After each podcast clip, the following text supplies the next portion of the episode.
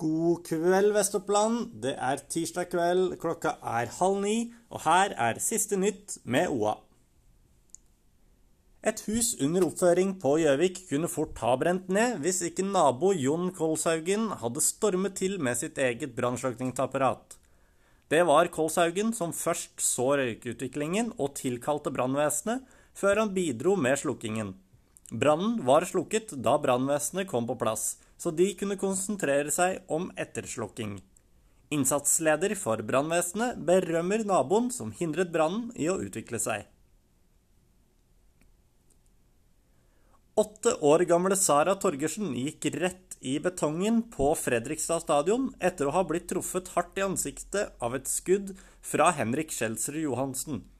Den tøffe jenta fikk en brukket tann og hjernerystelse, men i gjengjeld fikk hun et hyggelig møte med Kjelsrud Johansen, signert FFK-drakt og andre fine gaver.